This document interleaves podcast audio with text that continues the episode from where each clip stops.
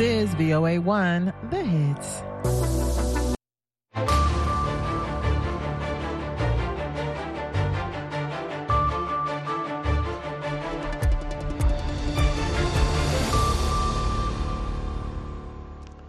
halkani waa washington laanta afka soomaaliga ee idaacadda v o a oo si toosa idinka imanaysa mawjadaha gaagaaban ee lix iyo tobanka iyo sagaal iyo tobanka mitirban iyo bogga v o a somaly com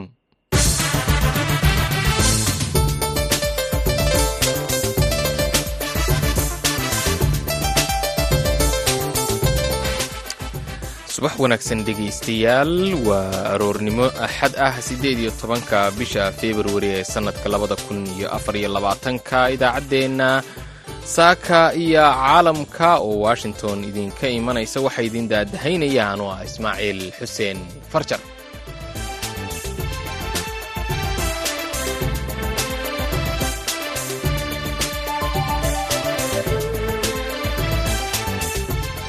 saacadda afrikada bari waxay tilmaamaysaa lixdii iyo badhkii subaxnimo halka ay washingtonna ka tahay tobankii iyo badhkii fiidnimo.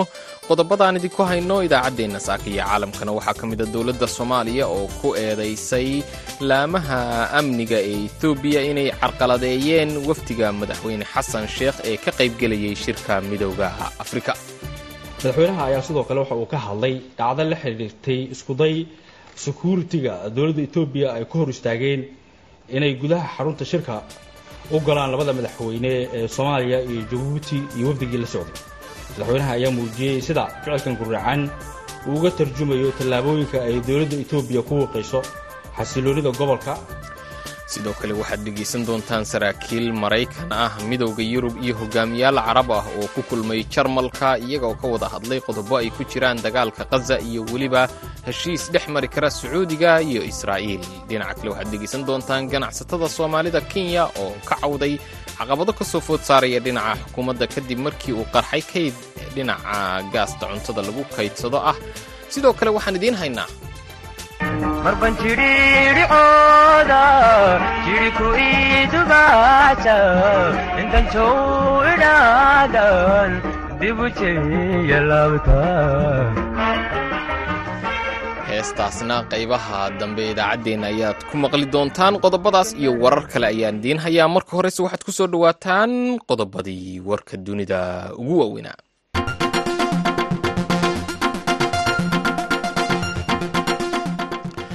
ra'iisul wasaaraha dalka israa'iil benyamin netanyahu ayaa sheegay in aanay jirin sabab loo sii wado wadahadallada khaza isaga oo dalabaadka xamaasna ku macneeyey in ay yihiin kuwo khiyaali ah. Wuxuuna sheegay in heshiisyo diblomaasiyadeed lagu gaadhi karo oo keliya wadaxaajoodyo toos ah oo aan wadanin shuruudo hordhaca.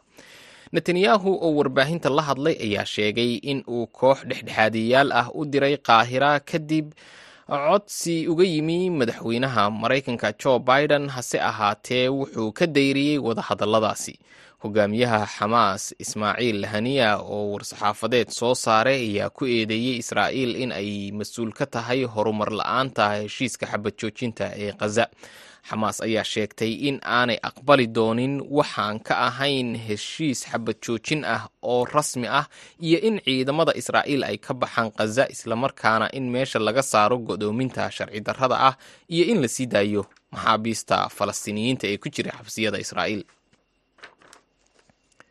Boqolaal qof ayaa isugu soo baxay shaaracyada israa'iil kuwaas oo dalbanaya in la qabto doorasho xilligeeda laga soo horumariyey hase ahaatee arrintaas waxaa ku gacan saydhay ra'iisul wasaaraha israa'iil benyamin netanyahu.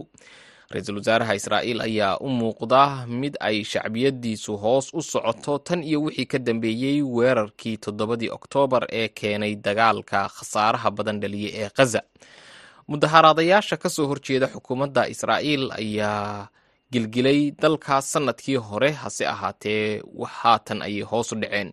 Tan iyo markii uu bilowday dagaalka khaza hase ahaatee haatan waxaad moodaa in ay waddooyinka dib ugu soo laabanayaan iyaga oo dalbanaya doorasho cusub oo xilligeeda laga soo horumariyey. Doorashada ayaa haatan qorshaysan sannadka labada kun iyo lix iyo labaatanka. Dibadbaxayaashan ayaa ka tira yar kuwii sannadkii hore sida warbaahintu ay sheegayso. Hase ahaatee waxay gaadhayaan kumanaan qof. Dhegaystayaal intaas waxay naga dunida haatanna u diyaargarooba qaybaheena kale idaacadda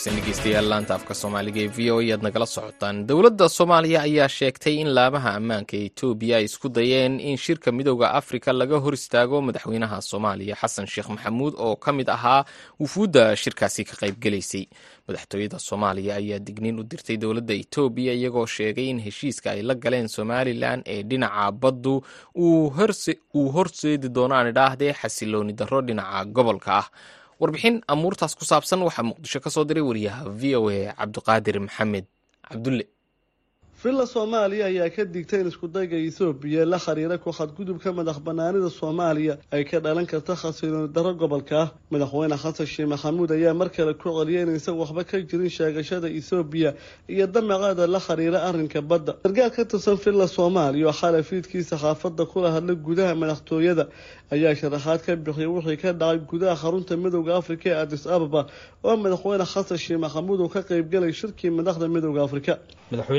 ayaa khudbad uu ka jeediyey fadhiga loo dhan yahay midooda afrika waxa uu ka sheegay in xadgudubka ka dhanka ah madax banaanida iyo midnimada soomaaliya ay ka dhalanayso cawaaqib xumo saamaysa xasiloonida iyo horumarka geeska afrika. Wuxuuna ugu baaqay hogaanka etoobiya inay ka waantoobaan damaca indhala-aanta ah ee aan u adeegayn mustaqbalka labada shacab. Dowladda soomaaliya ayaa si cad u qeexday inaysan waxba ka jirin dhammaan marmarsiyaha etoobiya ee la xidhiira doonistooda badda soomaaliya iyadoo madaxweynuhu uu xusay in ururada heer gobol iyo heer qaaradeedba ay wada qireen xadgudubka etoobiya iyo sida is-afgaradkaasi uu u baalmarsan yahay shuruucda iyo xeerarka caalamiga ah. Madaxweynaha jamhuuriyadda federaalk soomaaliya ayaa sidoo kaleeto war-saxaafadeed uu ku qabtay xarunta midooda africa waxa uu si adag u dhaleeceeyey dowladda etoobiya oo uu ku tilmaamay mid si aan gambasho lahayn u doonaysa ku-xadgudubka xorriyadda dhuleed ee dalkeenna. Wuxuuna tilmaamay in soomaaliya marnaba aysan aqbali doonin wax kasta oo hoos u dhigaya islamarkaana dhantaalaya sharafkeeda ummadeed iyo midnimada dhuleed ee jamhuuriyadda federaalk soomaaliya. Villa soomaaliya ayaa xustay in dowladda ethoobiya isku dayday in madaxweyne xasan sheekh laga hor istaaga ka qaybgalka shirka midooda afrika ee ka dhacaya magaalada adis ababa waxayna calaamad su'aal saarta villa soomaaliya siduu ahaan doona mustaqbalka xarunta midooda afrika ee adis ababa. Madaxweynaha ayaa sidoo kale waxa uu ka hadlay dhacdo la xidhiirtay iskuday security-ga dowladda etoobiya ay ku hor istaageen inay gudaha xarunta shirka u golaan labada madaxweyne ee soomaaliya iyo jabuuti iyo wafdigii la socday. Madaxweynaha ayaa muujiyey sida ficilkan guracan uu uga tarjumayo tallaabooyinka ay dowladda etoobiya ku wiiqayso xasiloonida gobolka iyadoo oo sidoo kale falkan kula kacday madax kale oo shirka ku sugnaa. Dowladda soomaaliya waxay u aragtaa dhacdadan mid ugub ah oo khilaafsan babaadiida midooda afrika su'aalna duldhigaysa xornimada adisababa iyo inay martigeliso sharmadaxeydka dalalka midooda afrika. Madaxweyne xasan sheekh maxamuud oo ka qaybgalaya shir madaxeedka midooda afrika ee ka dhacaya adis ababa ayaa u sheegay saxaafadda in dowladda ethoobiya isku dayda in laga hor istaaga shirka isagoo cambaareeyay kuna sheegay inay tahay mid hareer marsan hanaanka diblomaasiyadda. Cabdulqaadir okey v o a muqdisho dowladda etoobiya ayaan ilaa haatan si rasmi ah uga hadlin eedda uga timi madaxweynaha soomaaliya xasan sheekh maxamuud.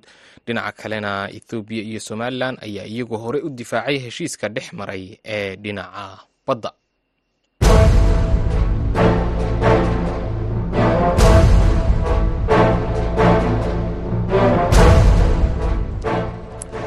subax wanaagsan dhegeystayaal laanta afka soomaaliga ee v o a yaad nagala socotaan.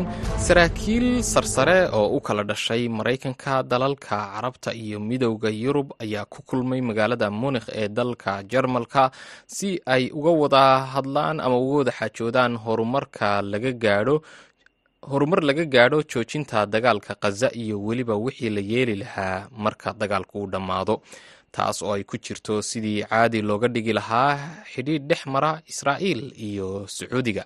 Haddaba talaabiib iyo riyaad oo yeesha xidhiidh diblomaasiyadeed muxuu ka bedelayaa xaaladda israa'iil iyo falastiin.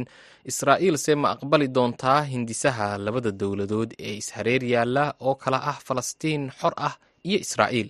Warbixin gaar ah oo arrintaas ku saabsan waxaa magaalada london inooga soo diray wariyaha v o a qaaradda yurub cabdixaafid cawil ismaaciil wasiirka arrimaha dibadda sacuudiga faysal bin farxaan xogayaha arrimaha dibadda maraykanka wasiiro arrimo dibadeedyada jordan qatar jarmalka britain faransiiska iyo talyaaniga ayaa ka mid ahaa mas'uuliyiinta docshireedka ku yeeshay kulankii ammaanka ee ka dhacay magaalada munikh ee dalka germany saraakiishan ayaa sheegay in shirkani ahaa kii kulankii ugu horeeyey ee rasmi ah ee noociisa ah tan iyo wixii ka dambeeyey dagaalkii toddobadii oktoobar markii kooxaha xamaas ay weerareen koonfurta israa'iil.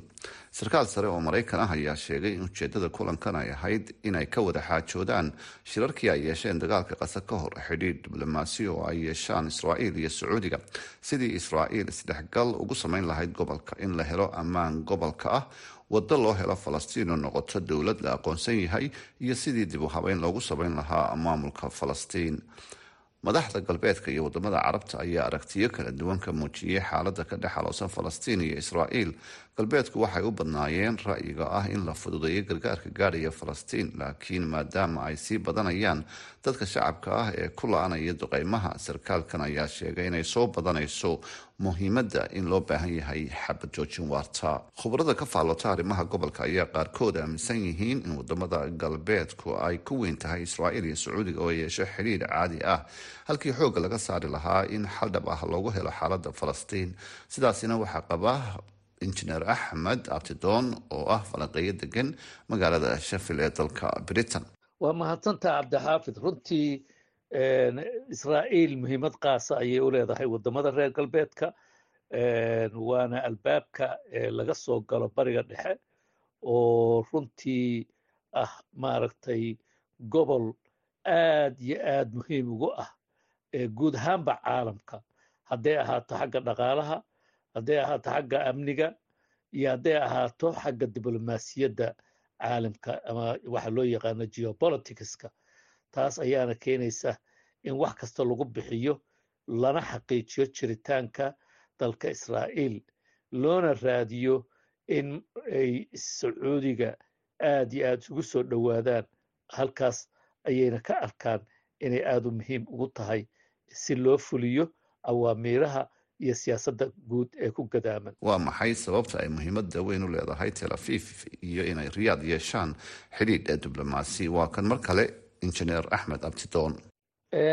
Dhanka kale runtii waxaa muuqata in maadaama israa'iil ay tahay albaabka bariga dhexe laga soo galo waddanka sacuudiguna uu yahay albaabka dunida islaamka laga soo galo.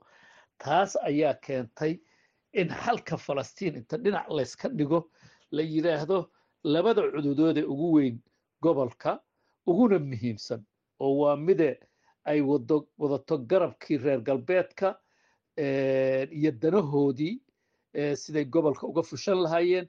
Miduna ay tahay garabkii islaamka oo la aaminsan yahay israa'iil haddii ay sacuudigu xalaaleeyaan jiritaankeeda xalaaleeyaan beec mushtarka u furaan in ay ku qasban yihiin guud ahaanba dunida islaamku in ay taasoo kale iyaguna qaataan waa albaabkaas waa sababta ugu weyn ee albaabkaas had iyo gooraala loo gargaraacayo laysku wax kastana lagu bixinayo sidii ay israa'iil iyo waddanka sacuudi arabiya ay u noqon lahaayeen dalal xulufo ah xiriir siyaasadeed leh xiriir dhaqaale leh xiriir amnina leh. Washington ayaa hogaaminaysa wadahadallo ay la yeelato xulifada carabta iyada oo ay barbar socotay wadaxaajoodya lagu doonayo in lagu sii daayo lahaystayaal israa'iiliyiin ah oo ay qafaasheen xamaas markii kooxdan ay ka tallaabeen xadka israa'iil ayna dileen kun iyo labada boqol ee qof. Saraakiisha maraykanka ayaa sheegay in heshiis laga gaaro dadka la qafaashay kaasoo lagu sii dayn doono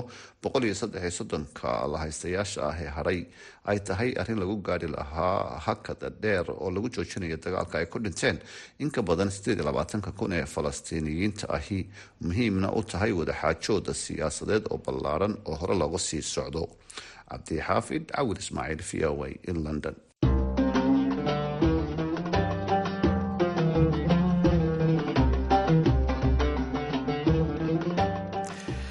subax wanaagsan dhegeystayaal laanta afka soomaaliga ee v o ead nagala socotaan ganacsatada suuqa islii gaar ahaana ganacsatada iibiya gaasta cuntada lagu karsado ayaa ka walaacsan go'aano cusub oo ay ganacsatadu sheegeen inay dowladda kenya soo rogtay kuwaas oo saameynaya ganacsigooda.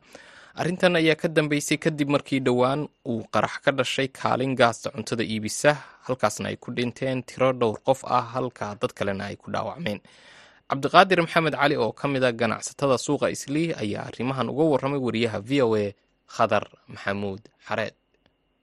Walaalow dhibaato weyn baa ka jirta. Xagga gaaska markii xaqiiqa laga hadlo maalin dhoweytaan bagaasi shil ka dhacay. Shilka markuu dhacay dhibbood buu ahaa. Ma ahayn gaasleyda kale yararka maarata gaaska gadaysa. Dhibboodkii dhacay baa la gabaday. System waxaa jira. Dowladdii waxayna fartay inaan dhuxul la gadi karin waddanka oon geedaha la guri karin. Waddankii waxay u fasaxday gaas l b g l b g-ga u fasaxday ilaa hadda xitaa si fiican waa loo gadi laaya wallahi calashaan waxa weeyaan dadkii ka becshirsanayay dadkii ka shaqaysanayay oo dhan dowladdii waa ka hortaagan tahay. Dowladdii dhuxulla waa diidan tahay gaasna waa diidan tahay. Dadkii maxay wax ku karsan karaan? Lbg-gu muxuu yahay lbg waa gaaska cuntada lagu karsado. Ee hoteelada iyo meel walba maarata cuntada lagu kariyo weeyaan. Xataa baabuurta qaybo ka mid a way isticmaalaan. Marka waxa weeyaan waa gaaska noocaasa weeyaan. Waa l b g baa layaha gaaska weeyaan badroolka iyo maha waa gaas l b g layaha waxa weeyaan dowladdii dhinac walbay u caydhsanaysaa waxa weeyaan dowladdii dad bay ku daysay askar bay ku daysay ciidul bay ku daysay. Waxa weeyaan annaga hadda goobtaan ku ganacsanayna. Wallahi waa la dhaqaaqi lahay waa la ganacsan lahay waa la shaqaysan lahay. Laakiin ayaan hore waxaa dhacday in gaas uu ku qarxay dad fara badan oo dhimasho iyo dhaawac uu ka dhashay. Dowladduna waxay wadaa dadaallo ay doonayso inay ku xakamayso goobaha gaaska cuntooyinka iyo shidaalka lagu iibiyo. Dhinacaas kale marka laga fiiriyo badbaadada shacabka oo kale soo dan uma aha. Badbaadada shacabku waa sax facility in la sameeyo waa sax in safety securitygiisa in la ilaaliyo safetygiisa la sameeyo waa sax in waddanka laga bixiyo oo meelaha maarata waxan waa dhibbood dhibboodna waxaa loogu talagalay dowladdu system bay leedahay. Systemka leedahay ninkan hadda gaaskiisa uu qarxay waxa weeyaan wuxuu ku qarxay meel la yidhaahdo gooldom buu ku xaraystay haan. Waa qalad dowladdu inay ogaato weeyaan. Waa dowladdu ka qabato weeyaan. Goobaha loogu talagalay inuu gaas ku sameeyo weeyaan. Laakiin hal far oo qaraxday oo dhacday. Haddii la yidhaha waddanka kenya oo dhan musima loo baabi'inaya miisaankaa la fiiriyaa. Miisaanka ayaa la fiiriya hadda haddii gaari meesha ku qarxo oo la yidhahdo wax gaari ma socon karo se intee intee khasaare la geli karaa waxa weeyaan bulshadii marka isu socodkeedii iyo bulshadii iyo maaratay si u isticmaalaysay gaaskii sidii loo loo maaratay ay u gadanaysay in calashaan bulshadiina loo seefgareeyo oo bulshadii sidii shaqadii ay ugu socoto ina shaqadii ka istaagin. Ma aha wallahi waa meel kasta. Kenya musima siiba gaar ahaan nairobi. Idinka gaar ah waxaa gaar noo ah waxa weeyaan culays adag baana saaran. Waxa weeyaan calashaan waxa weeyaan dadku waa ganacsato nin walbana waxbuu ka ganacsadaa. Annagu shidaalkaasaan ka ganacsana shidaalkaan ka ganacsana dhibbood maanta laga soo dhaansan kara gaas ma jiro. Ol dhibbood waa la wada xiray dowladda canshuur bay bixiyaan. Shaqaalii bay bixiyaan. Intee qof oo kenyaana ku hoos nool? Marka xaqiiqa laga hadlo miisaanka ay leedahay baa la fiiriyaa. Marka dabkanna waan xidhi dabkanna waan xidhi. Dee taas caqli wax keenaysa maaha laakiin dadkii shacabka ahaa amase ganacsatadii ka shaqaysanaysay gaaska waa inay dowladdu tirahdo war sidan ku shaqaysta. Sidanaa idiin fudude annagu calashaan madaxweynaha waa madaxweynahanagii waa madaxweynaha waddanka calashaan soo doortay. Aan soo dooranay kuuradaannada aana siinay haddana waxaan jeclahay inaan kuuradaannada siino. Marka waxa weeyaan walaala wax kale ma aha in loo sameeyo qorsho baa diyaar u naha annaga waayo waa gaaska waa laamaha ugu xooga badan ee hadda ay soomaalidu haysato. Marka xaqiiqa laga hadlo waayo dhiboodyay leeyihiin waxay leeyihiin gaasaskii bay wada gadanayaan way isku wada hoos nool yihiin marka waxa weeyaan waa cududda labaad ee noo soo gashay hadda aan annagu la wareegayna haddaan nahay gaar ahaan soomaalida. Maxaa marka fariintiina u dambaysa? Maxaa fariintaan u dambaysa waxay tahay inay culayska nagala dulqaado oo gaar ahaan dowladda sharafta leh cid culayska naga dulqaado. Oo cid waxaa leeyahy dadkan hadda ka shaqaysta gaaska cid u maqan oon ilaahay ahayn ma jirto. Ceelna uma qodna cidna uma maqana. Xaqiiqa markii laga hadla nin walba indhihiisa wuu arkaa. Almost laantanada keliya laantanada keliya markii la soo koobo waxaan ka badannahay intaasoo kun oo qof baan nahay. Kuradaanadina diyaar baan la nahay. Xaqiiqa marka laga hadlo anoo afka jeemanka ku hadlaya kamakuji xaqiiqa marka laga hadlo hadda jeeman baan ahay. Jeeman baa la ii doortay. Jeeman anagoo afka jeemanka ku hadlaya xaqiiqa marka laga hadlo waxaa weeyaan annaga nin noo doodaya iyo nin wax noo qabanaya ma jirteen. Nimankay qusaysay waxaan rabnaa sidaan annagu ganacsata u nahay inay noogu halgamaan noogu garab istaagaan wax noogu qabtaan dowladday nagala hadlaan. Waxaa weeyaan dowladda wixii loo diray way ku darsanaysaa marka xaqiiqa laga hadlo wixii loo diray way ku darsani. Lug dhan bay ku darsani. Marka dadka ku hoos baaba'aya lama arko. Marka waxaan ka codsanayaa maarata embiga iyo laamaha ay qusayso oo dhan isli community cid walba waxaan ka codsanayaa inay hawshaas soo farageliyaan. Kaasi waxa uu ahaa cabdiqaadir maxamed cali oo ka mid a ganacsatada suuqa islii oo arrimahaasi uga warramayay wariyaha v o a khadar maxamuud xareed. Laanta afka soomaaliga ee v o ayaad nagala socotaan weli arrimaha kenya ayaan ku jiraaye magaalada nairobi ee xarunta dalka kenya waxaa lagu soo bandhigay buug ka hadlaya duruufaha iyo waayaha nololeed ee soomaalida. Buuggaas oo loogu magacdaray godob iyo geeri ayay ku jiraan in ka badan boqol iyo konton dhacdo oo ka tarjumaya xaaladaha nololeed ee soomaalida. Warbixin amuurtaas ku saabsan waxaa inoo haya wariyaha v o a yaasiin ciise wardheere dadka soomaaliyeed ee wax qora ayaa tiradoodu ay aada u soo kordhaysaa inkastoo lagu tilmaamo mujtamaca soomaaliyeed inay u badan yihiin dad iyagu markaasi aan wax akhrinin balse ay soo kordhayaan dadka wax akhriya markaad eegto tirada iyo tayada qoraalada dadka soomaaliyeed ee qurbaha ku nool iyo kuwa guduhu ay markaasi iskood u qorayaan iyadoo ay intooda badani ay yihiin kuwa aan hiil iyo taageero dhaqaale ka helin dowlado balse dadaaladaasi ay yihiin kuwa shaksiga ama qoysaska ay ka soo jeedaan ay gacan ka geystaan buugga godob iyo geeri ee uu qoray muxyidiin xuseen ciid oo isagu madax ka ah shirkada daabacaada ciid book publishing ee fadhigeedu yahay carrigaasi ingiriiska gaar ahaan magaalada london ayaa galabta ku soo bandhigay buuggaasi magaalada nairobi iyadoo ay ka soo qayb galeen dad fara badan oo isugu jira siyaasiyiin aqoon-yahano iyo waxgarad fara badan oo ay ku jiraan ardayda wax ka barata waddanka kenya. Qoraaga buugga muxyidiin xuseen ciid ayaa isaguna faallo dheer ka bixiyey buuggan oo ah daabacaadii labaad ee godob iyo geeri oo uu horeyna mid kale u qoray uu sheegay inuu wax yar ka saxay marka la eego kelmadaha iyo markaasi alfaada balse isla buugkii uu yahay isagoo buug horena qoray waxaana uu si gaara dadka ka soo qayb galay dayaafadaasi uu fasir dheeraada ka siiyey. Ujeedada buugga iyo waxyaabaha u xambaarsan yahay. Waxaan jeclahay markii aan buuggan soo bandhigay london bay ahayd laba kun iyo labaatan iyo kowdii bishii koowaad bay ahayd. Markaan soo bandhigay nin oday ahbaa iga qaasay oo raggii yurubta bari wax ku soo bartay ahaa saddex maalmood markuu ku akhriyay kadib buu ii yimid. Qisada aan buuggan ka qoray isla ayadii oo laakiin nin saaxiibkiisu ku dhacda buu ii sheegay. Maalmo kadib nin kalea ii yimid isla qisadaa buuggan ka qoray mid lamida oo weliba aas leedahay soomaali miyaay waxaanay ka dhexdhaceen? Ah baa la ii sheegay. Marka mar walba aan buugga soo bandhigo waxaan arkahayaa inay tahay wax loo baahnaa in wax laga qora qise ahaan marka aan u laabto buuggan sheekadan waxay ku qotontaa boqol iyo konton sano ka hor. Xilligii gumaysigu waddanku soo gelhayay sidee soomaalida xilligaa joogtay u noolaayeen? Sidee ula waxyaabaha noloshooda saameeya oo xilligaas la joogay ay uga falcelin jireen? Mar walba hadda afartan sana waxaa layahay soomaalidu waxay iskaga jidhaa bahalkii laakiin mar walba waxaas waa jiraan colaadi waa jidhay waxaa kaloo jiray waxaa la yidhaahdo nin kibra qooq oo qooqa waxaa jiray qabiil oo qabyaalad loo dagaalamhayo ama lagu colaadinhayo qof wax walba waa jireen. Marka maxaa sababay xilliga noocaasa dadkii joogay? Sidee wax u maareyn jireen?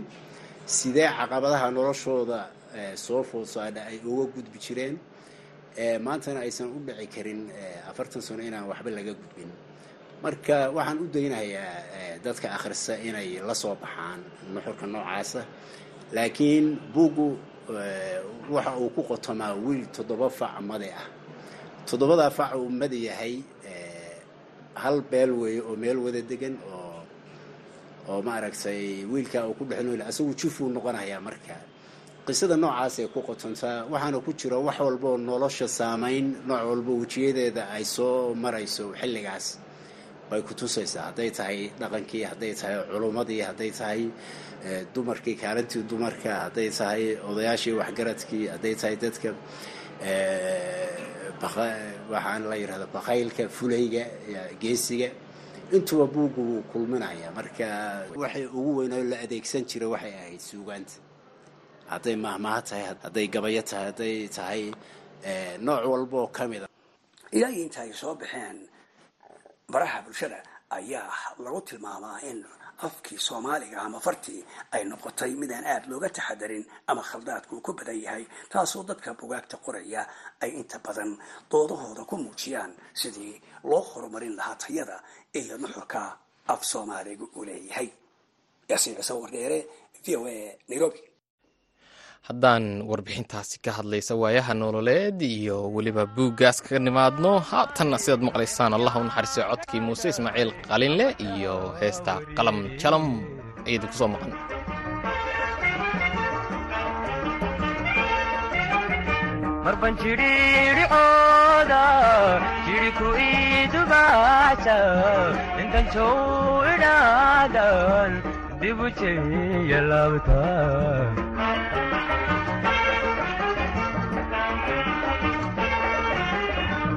jeedaaliya anu jilcan yar jiibsada jidkan maran jeedaaliyaayo anu jilcan yar jiibsada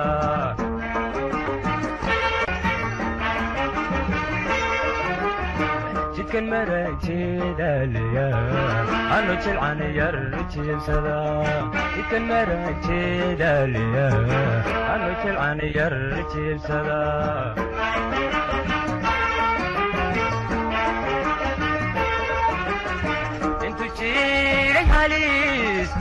halejeleelkaygina miya jahaada laydhigi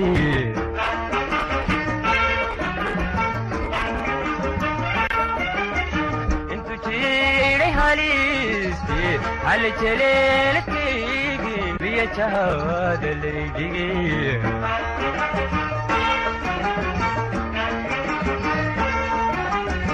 qalam jalam qalam jacaylkuye soo ka jiirkayla kore jarka dacal ka igaalule aso jeetanigu yidhi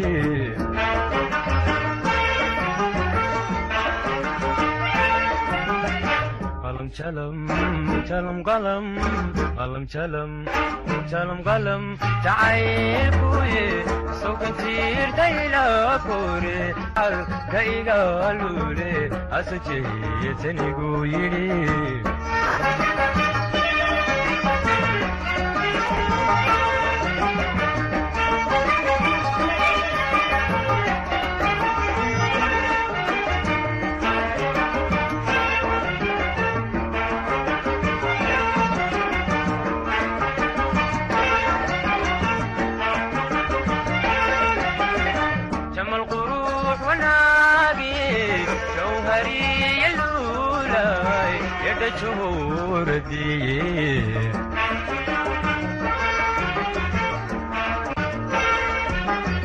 marban hadalka jooja anu jiitamayan inta aan janjeersado orojaga ka siiya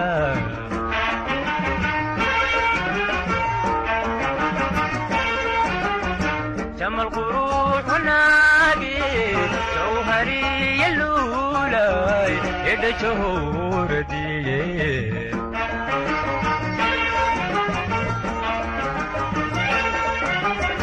marban hadalka jooja anu jiitamayan inta aan eertado orojaga ka siiya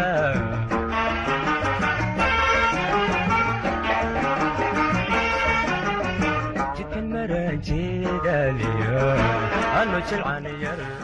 codkaas muuse ismaaciil qalinle allah u naxariistay wuxuu gebagabo u yahay idaacaddeenii subaxnimaan oo ismaaciil xuseen farjar ay idinla socodsiinayay dhinaca farsamaduna oo nuur xasan nuur tan iyo intayn idaacadda. Xigta ku kulmayno waxaad kaga tegaynaa sidaas iyo ismaqal dambe oo xiise leh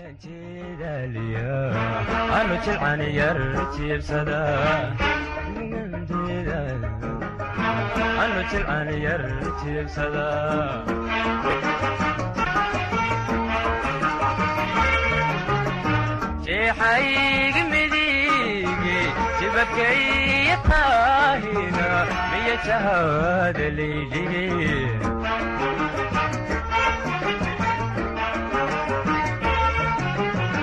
jeexaygi midigi jibakay taahina miya jahada leydhigi